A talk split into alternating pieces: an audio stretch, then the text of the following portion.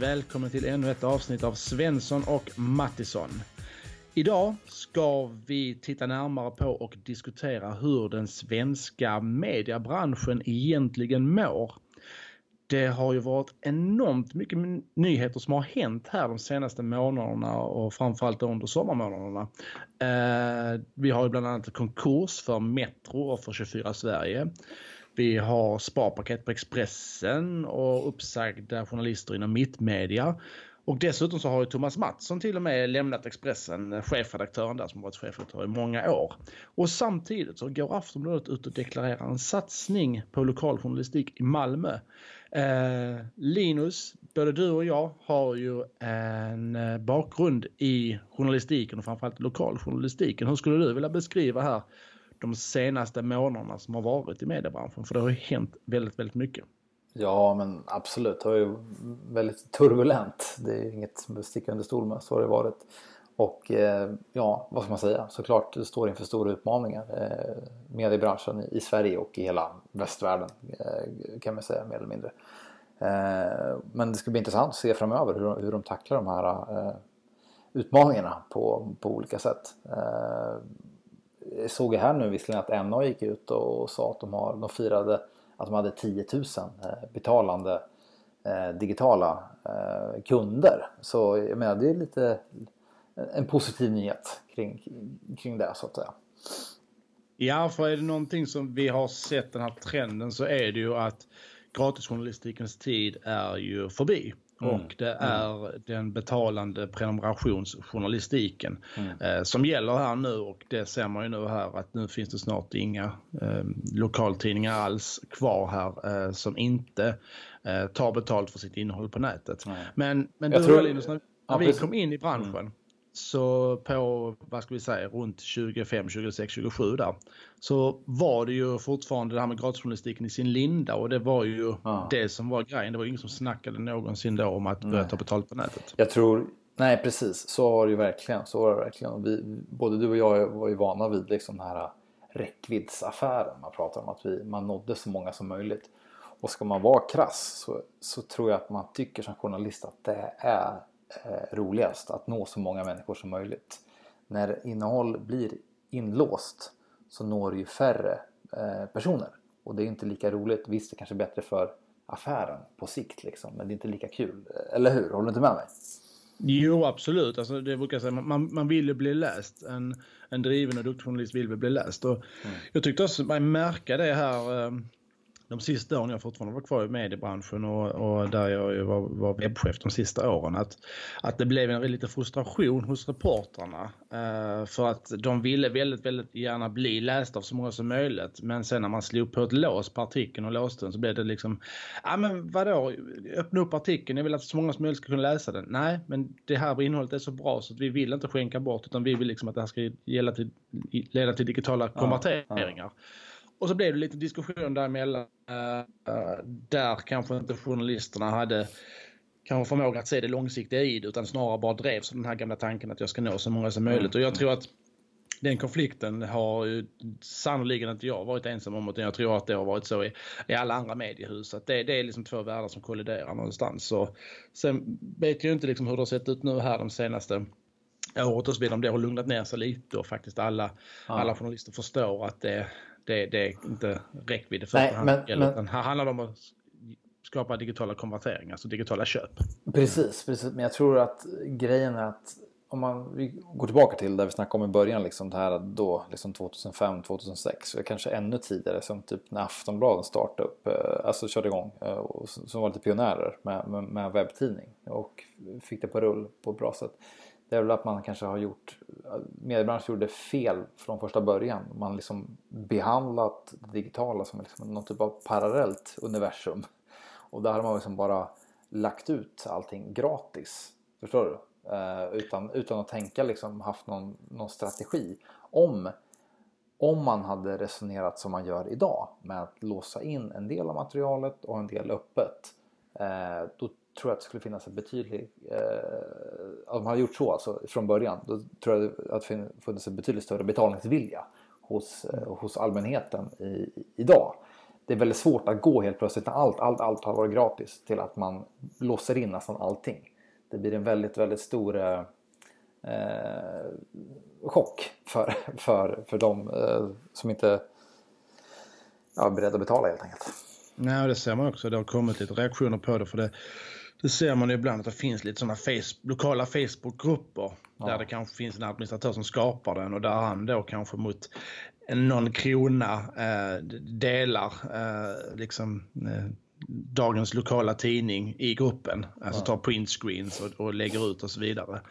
Um, så det har man ju sett att det, folk försöker fortfarande kringgå det någonstans och tycker och ifrågasätter ju till mångt och mycket. Jag vet ju att jag, som jag sagt mina, när vi liksom drog på det här med, med plustjänst rejält eh, under min sista tid här så fick man ju ha enormt mycket dialog med, med, eh, med läsare som, som hörde av sig i alla möjliga olika kanaler och på allvar ifrågasatte eh, varför vi, hur vi kunde ta betalt för, för vår journalistik och det var inte så svårt att argumentera emot det. Och man, jag kan säga att jag blev väl lite mörkrädd att man inte såg det. Men, men å andra sidan, det är precis som du säger, att man har ju vant läsarna i så ja. otroligt många år. I, I, nästan 20 år har man vant dem vid att allting är gratis på nätet. Ja, precis. Och det har ju varit för att man har ju trott på en digital räckviddsaffär, en digital annonsaffär.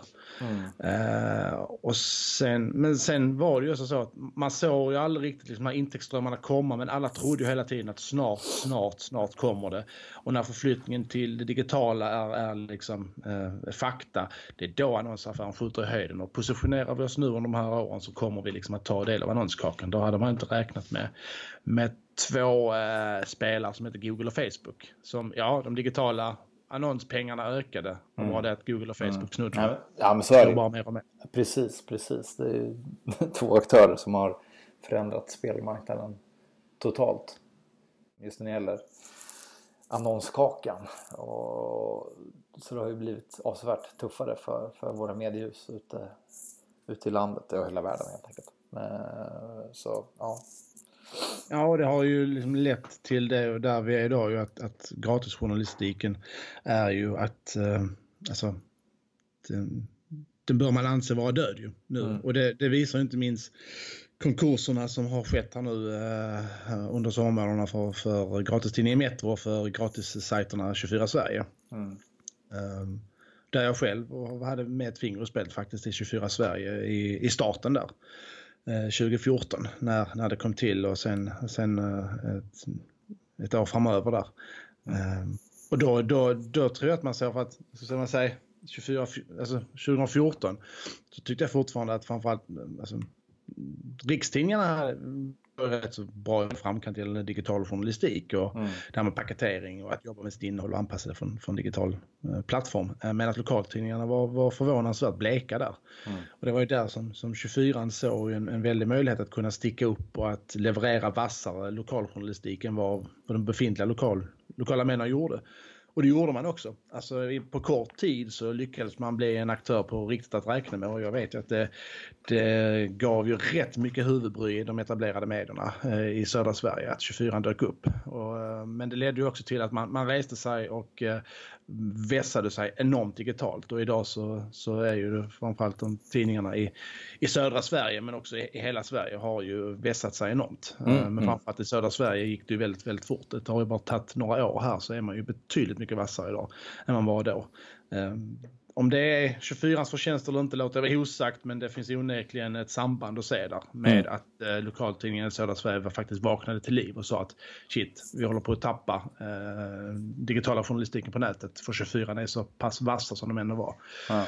Sen att 24 inte höll hela vägen, ja det var ju för den digitala liksom, räckviddsaffären var ju dömt att misslyckas. Uh, då 2014 fanns det fortfarande hopp om att nej, men det, det kommer vända, det kommer vända, men, men under kanske då slutet 2016 och framförallt när vi kom in i 2017 så, så var det allt mer tydligt. Och det var ju egentligen bara en tidsfråga innan 24 också skulle, skulle gå i konkurs. Och, ja, Metro är likadant också. Mm, ja, precis, precis. Ja, nej, det utmaningar där. Men jag tänkte, man pratar om liksom, tror du att hur kommer den här affärsmodellen hålla då? Kommer det fungera för tidningen? Jag tänker liksom, visst, jag förstår att det kan fungera för Aftonbladet. Eh, men de har ju sån enorm räckvidd. Eller DN till exempel och sådär. Men eh, det blir större, betydligt större utmaning för, jag vet inte, Arboga Tidning. Förstår du vad jag menar? Eh, eller andra, ja men lokalmedia överlag. Liksom. Hur tror du att den här affärsmodellen kommer hålla för lokal, lokalmedia? Alltså, tänker du på då räck, räckvidd eller, eller prenumerations? En prenumeration, digitala prenumeranter? Ja, det, det återstår att se. Ja. Uh, hittills uh, kan man väl inte säga att det tyder på det i alla fall. Uh, de digitala prenumeranterna är, det visar ju den senaste siffrorna som kommer från Svenskan och internet att, att prenumeranterna man tappar i print väger inte upp de digitala prenumeranterna. Nej. Överlag så finns det för tidningar som är, mer framgångsrika än andra. Um, ska vi titta på riksmedia så, så har ju Dagens Nyheter erkänt duktiga ju. Ja. Jag vet inte till och med om de, om de fortfarande är det, men ett tag var de väl till och med ledande i, i Norden tror jag. När det gällde, de, de hade ju enorma, enormt mycket digitala konverteringar. Uh, faktiskt varit uppe på studiebesök där en gång just av den anledningen. Det var väldigt intressant att, att höra deras chef då, Martin Jönsson och prata om det. Uh, och hur de, de, de ligger verkligen i verkligen legat i framkant nu här under flera år och mm. verkligen förstått vikten men det, av det men, återigen, å, å, åter, åter, återigen, återigen det jag säger att det är ju eh, det är ju DN vi pratar om, förstår du vad jag menar? Ja, exakt, det är en riks, det är rikstidningar, rikstäckande liksom. Mm. Eh, så tuffare för lokal, lokal, lokalpressen tänker jag. Ja, och ser man då så, så är det ju fakta att um, nej, de digitala prenumeranterna är inte tillräckligt många uh, fortfarande för att för att det ska anses som att uh, det finns folk som vill betala för det, ja, men inte tillräckligt många tyvärr. Uh, och det gör att det, att det är tufft för många tidningar. Uh, det är men... bara att titta på Mittmedia som ju faktiskt har varit också lite, alltså bland lokaljournalist, lokalmedia titlarna så har man ju, eller lokaljournalistikkoncernerna så har man ju varit väldigt i framkant. Man har också betalat ett högt, högt pris för det. Ja, Precis. Men du, jag tänkte så här, varför är man mer villig att betala för eh, Spotify och Netflix än en, eh, sin digitala eller sin lokala eh, tidning?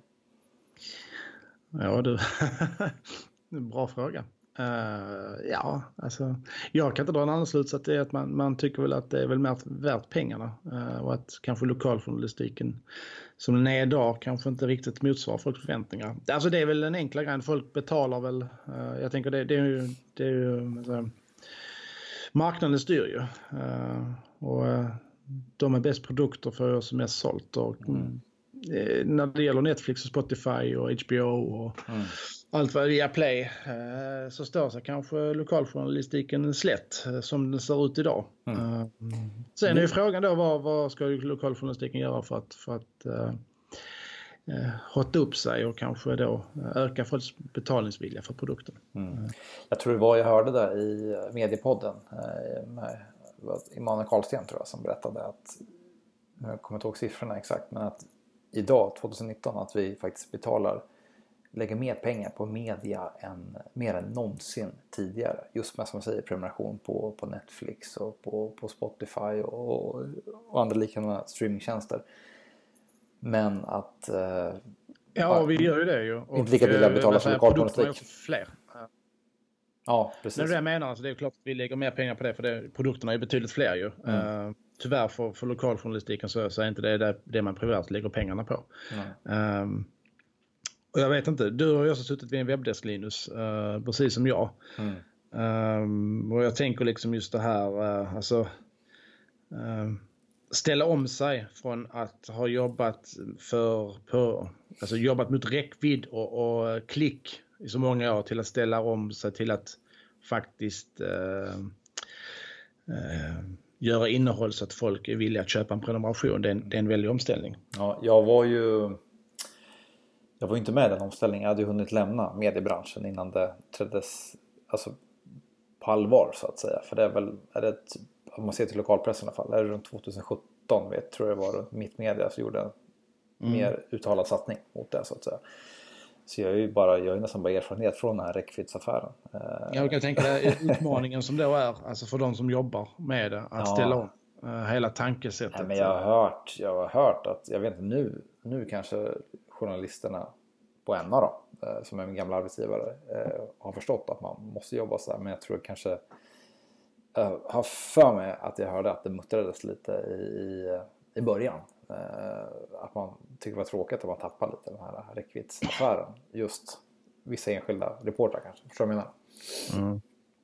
Vad, vad tror du det är för innehåll som då ska till för att, att driva digitala köp snarare än att uh, skapa klickisar?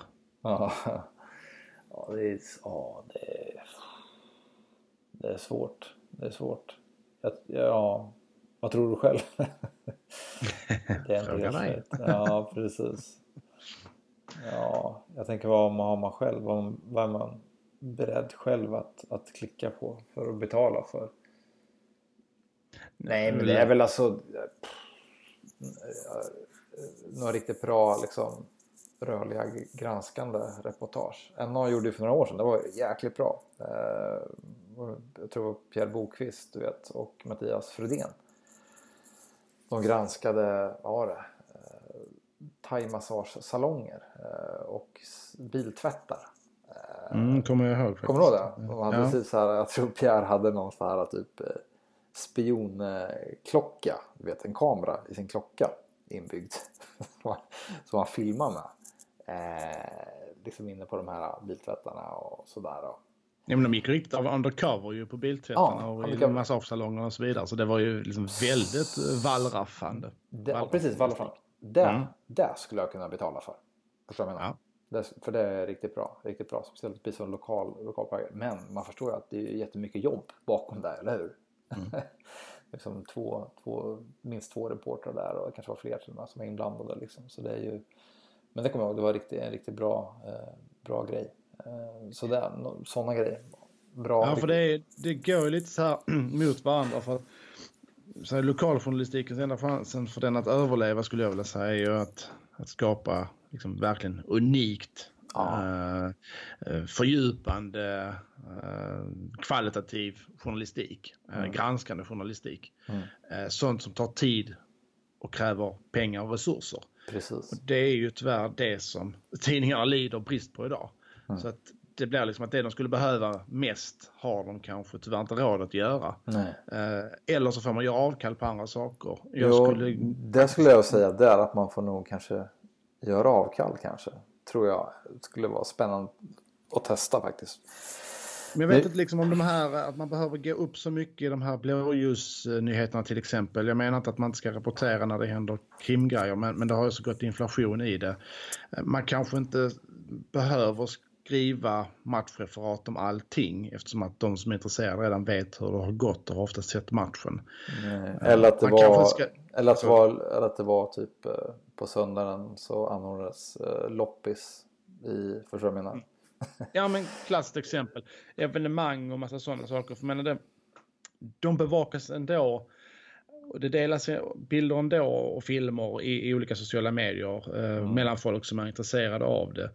Och titta liksom också på just på, på, på sport. Eh, Malmö FF, ÖSK, Djurgården Hockey, vad som helst de som är intresserade har ju stenkoll på det och har gått redan. Uh, och de har ofta sett matchen antingen på plats eller på tv eller så har man, har man hört på något live-referat.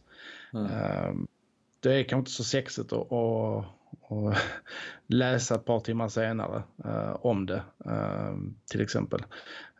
utan där, där tror jag ju mer på som sagt att hitta tillbaka till det mer så att säga jag älskar till exempel, som jag, vi är sportjournalister i grunden, jag älskar sånt här så att bakom kulisserna i jobb. Eller där mm. man får liksom, där man inte pratar sport någonstans. Eh, Nej, där man bra, får lära bra. känna spelarna som människor. Men, när går du och lägger dig på kvällen? Vad käkar du? Hur många situps gör du per dag?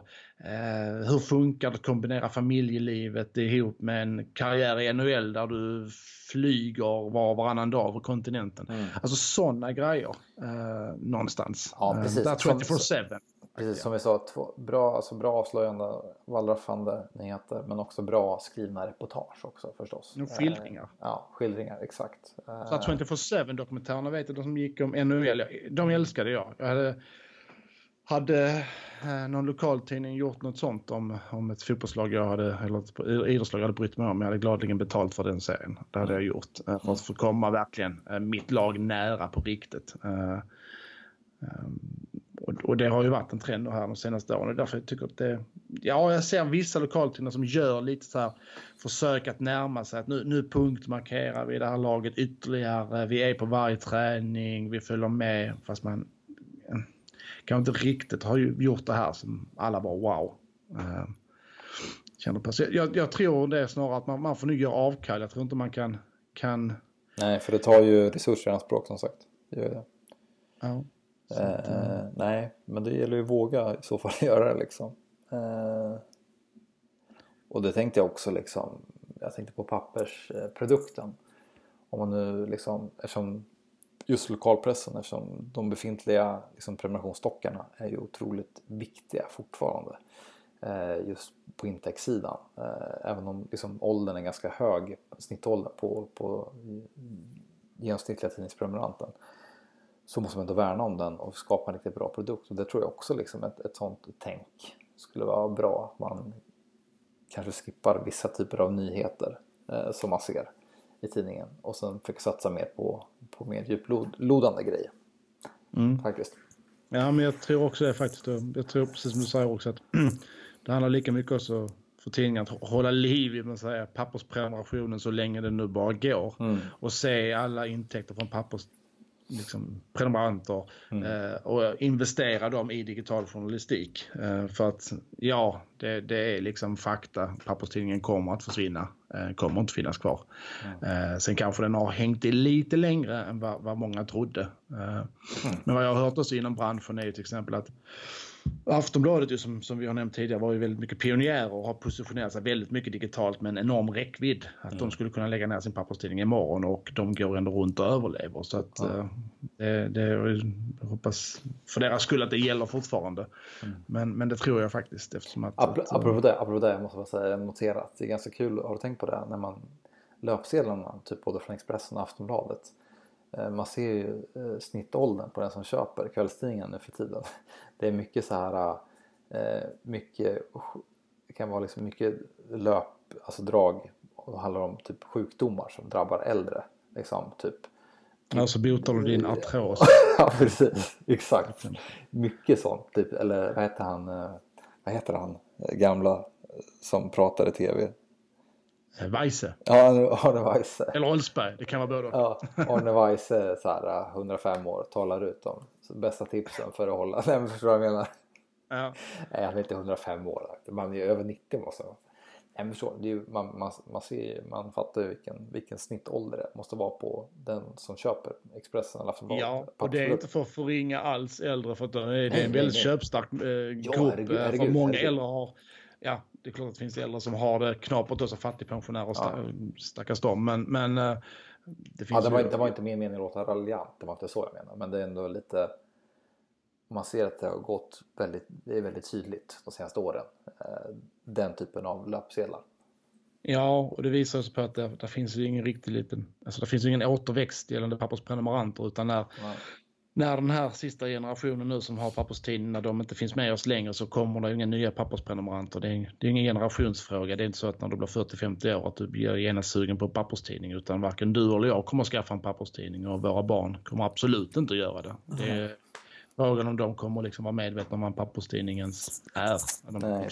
Nej. Nej, precis. Alltså, som, som, som för oss, eh, vi får förklara för typ, tonåringar idag vad den här liksom, klassiska stationära telefonen var för någonting och telefonkiosker. Mm. Det, mm. det, kan mycket väl bli så med, med de som, som föds idag att vi får förklara för dem vad en papperstidning var för någonting. Det är inte omöjligt. Nej, eh, precis. Det tror jag, tror jag inte. Nej, så att titta på löpsedlarna, det, det är väldigt tydligt. Men vi är inne lite nu på, sagt, eh, på, på kvällspressen ju.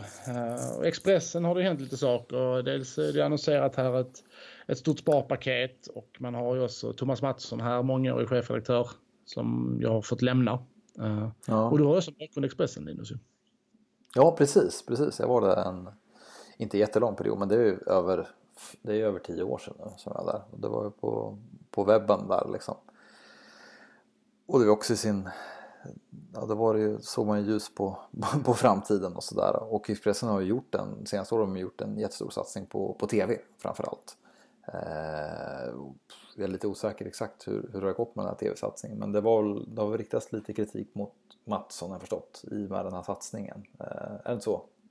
Ja, det, det, går väl, det har väl skrivits i branschpressen om att det ska ha varit en av orsakerna till att han, mm. han har fått lämna eller att han kanske till och med sa upp sig själv att, han, att man hade olika bilder av det. Att, att um, Bonnier ville, ville slopa den, den dyra tv-satsningen medan han ville hålla i den och det var där någonstans konflikten uppstod. Mm. Vad som är sant eller inte, det, det vet bara de. Men det är vad som har... Uh, jag var... Bara vad som har stått i branschpressen. Jag var faktiskt på kombinerat studiebesök. På, jag var dels på Stockholms universitet eh, här i våras och sen passade jag på då innan jag åkte hem att besöka Expressen för min eh, kusin hon jobbar där just på Expressen TV eh, som producent.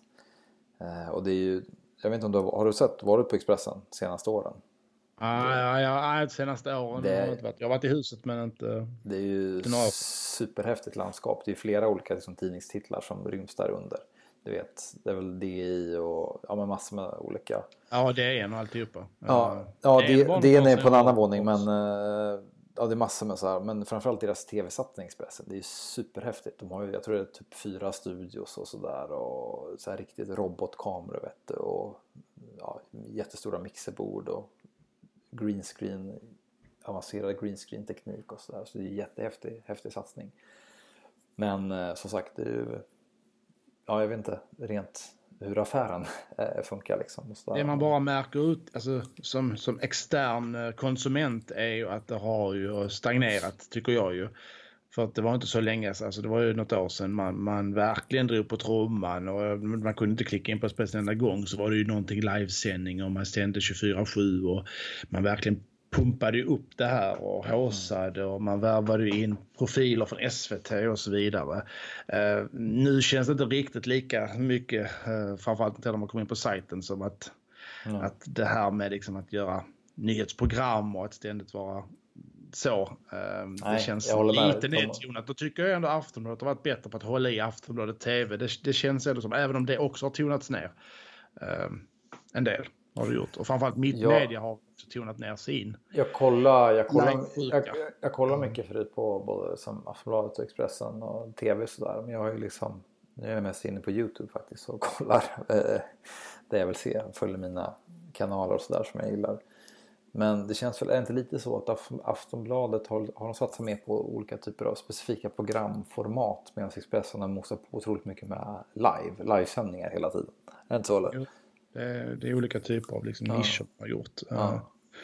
Där jag också tror kanske för att det, det, blev lite sjuka där också tyckte jag ett tag för att det var ju liksom där Aftonbladet Expressen. Sen skulle det lokalt hänga på, eh, framförallt av mittmedia som, som ju har varit en följetong framförallt hos Filip och Fredrik i Breaking News ju. De har ju, det är rätt många gånger de gjorde sig lustiga över mittmedias direktsändningar. Ja, jag tycker de var lite taskiga ibland nästan, men uh, ja.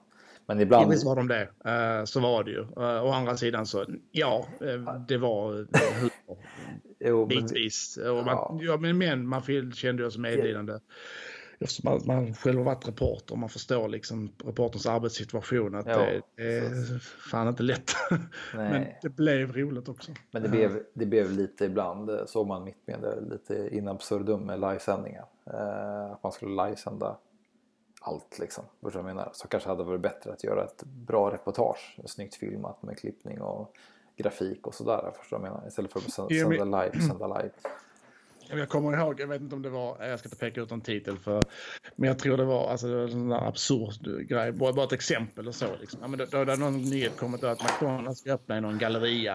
Eh, då, då kör man live-tv på det. Eh, och då är reportern, står han inne i gallerian liksom, och pekar in mot tom lokal kontorslokal att här, här inne fick vi alldeles nyss för 15 minuter sedan veta att McDonalds kommer att öppna eh, om ett halvår. Och eh, ja, eh, och så ska han då försöka att göra detta intressant. Och så, så det enda man ser är, är en tom butikslokal bara som, som inte har hänt någonting med. Och så sänder man live kring det och hotar upp det som värsta grejen. Ja, men det är ett praktexempel på att, mm. ja, det, eller när man skulle skicka liksom till skicka reporter till tingsrätten skulle hämta ut en dom som klockan 11 och liksom en minut över 11 så ska reportern liksom kunna rapportera vad blev domen. Eh, problemet är bara att det tar ju ändå, man får ändå ge reportern en kvart, 20 minuter att läsa in sig på domen och vad det står i det. Så det blev ju någonstans att reportern stod och bläddra eh, i direktsändning och försökte liksom, ja. det blev lite komik av det och det, det är ingen skugga över reportern som försöker göra sitt jobb däremot så är en skugga över som faller över mitt media. Hur tänkte man? Eh, när man liksom hade de direktiven. Ja. Men har du inte, har inte Mittmedia lugnat ner sig lite med livesändningar eller hur är det? Jo. Ja. Jo, jag tycker allting har lugnat ner sig. Alltså, så ja. Både Aftonbladet, Expressen och även Mittmedia. Så det, det har lugnat ner sig betydligt. Har det gjort. Uh, det här liksom. Ja, det var inte live, det var super live till och med. Uh. Ja. Nej, det är liksom, det vet man ju själv. Att mycket av tittningen sker ju inte live. Det kommer ju sen efterhand. Och då, jag tror inte man alltid behöver ha den superhetsen. Som sagt, uppenbarligen har de förstått att, kring att man kanske inte behöver sända så mycket live hela tiden. Jag tycker de är tråkiga och SVT har också hakat på där och jag, jag tycker de är rätt tråkiga. Fine, jag kan liksom stora nyheter så, så visst, men, men de är inte ro, så mycket roliga de heller för att det enda som sker är bara att man sitter och spekulerar hej vilt i studion och, och ingen vågar säga någonting för att man säger bara att än så länge är det bara spekulationer och enligt ett uh, franska L'Equipe så står det att uh, gärningsmannen ska vara 24 år men det är hittills obekräftade uppgifter och så håller man på så och varvar samma klippbilder om och om igen. Så har du liksom sett en halv minut så, så kan du stänga av för det kommer inte hända så mycket mer de närmaste timmarna. Mm. Uh, det är nästan så att jag hellre föredrar att ja, man, man kan hålla koll lite snabbt, läsa någon nyhetstext uh, i kvällspressen, bara kort vad som har hänt och sen kan man vänta någon, någon timme kanske igen på att, på att, uh, på att få lite, lite mer information till exempel. Ja, precis. Så att... Mm. Uh, och sen samtidigt då, så, när det har varit lite turbulent på Expressen så går Aftonbladet ut de här och meddelar en satsning i Malmö på lokaljournalistik. Mm. Den var lite oväntad. Ja. Måste jag säga. Ja, verkligen. Vad är det man... Eh, vill man komma åt lokala annonsmarknaden där tror du? Eller vad, vad är främsta syftet med, med, med det? Jag, jag tolkar dem som när de uttalar sig i branschmedia så är det ju att de säger att lokal, de lokala medierna som finns där nere, de satsar, eh, de har liksom, de, de lämnar så sakteliga annonsmarknaden och satsar på, på premium, alltså på prenumer, digitala prenumerationskunder och då ser man att det fortfarande finns en, en digital annonskaka att, att ta av. Mm. Uh, jag är inte säker på att den kakan är så speciellt stor uh, så att det bär sig ens för Aftonbladet. Uh, sagt, kul att man vågar satsa och de sa väl själva att det här verkligen är ett bära eller brista projekt. Och det, det hedrar väl dem att de, de, de kanske ser, de kanske ser potential i, hela regionen. Jag tänkte Malmö, Köpenhamn. Förstår du vad jag menar? Eh, det är ju en väldigt stor publik. Jag menar Aftonbladet kör ju de kör väl en del nyheter, gör de det fortfarande på engelska va? Eh, ibland. Eh, och sådär. Och danska kan väl läsa svenska också. Tror inte de kanske, kanske har tänkt så också? Ja men det är ju folk, det är ju som sagt uh, andra liksom, företag som har tänkt så tidigare och inte lyckats. Eller man ska säga. Ja. Det mest framgångsrika så här, kvällstidningsmässigt där nere det är ju kvälls, Kvällsposten ju. Ja. Som ju, uh, när jag växte upp där nere var, var större än Aftonbladet när det gäller kvällstidningar. Vad han? Rune, ju, Rune Smith hette han va? Ja, en riktig profil. Det var han som upptäckte Zlatan. Det var den journalisten som gjorde den första intervjun med Zlatan någonsin. Ja, är jag rätt säker på att det är. Ja. Eh, han kommer också vara den som verkligen följde han då ingen, innan någon annan fattade att han faktiskt skulle bli den han blev. Uh, nej, kult, kultjournalist. Jobbar han kvar? Nej, han måste ha slutat.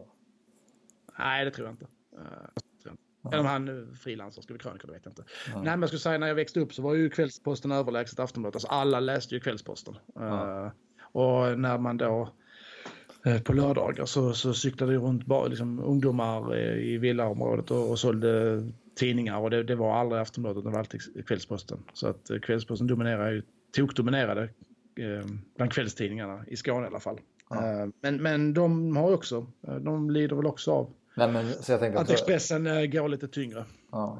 intäktsmässigt. Parentes där, när vi växte upp då var ju också Expressen var ju större än Aftonbladet.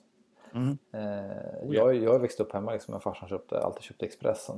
Eh, sen gick väl Aftonbladet om där liksom. Eh, Men det var ju då när det blev digitalt där i, in på 2000-talet. Det var ju, alltså, jag tror det var Sportbladet.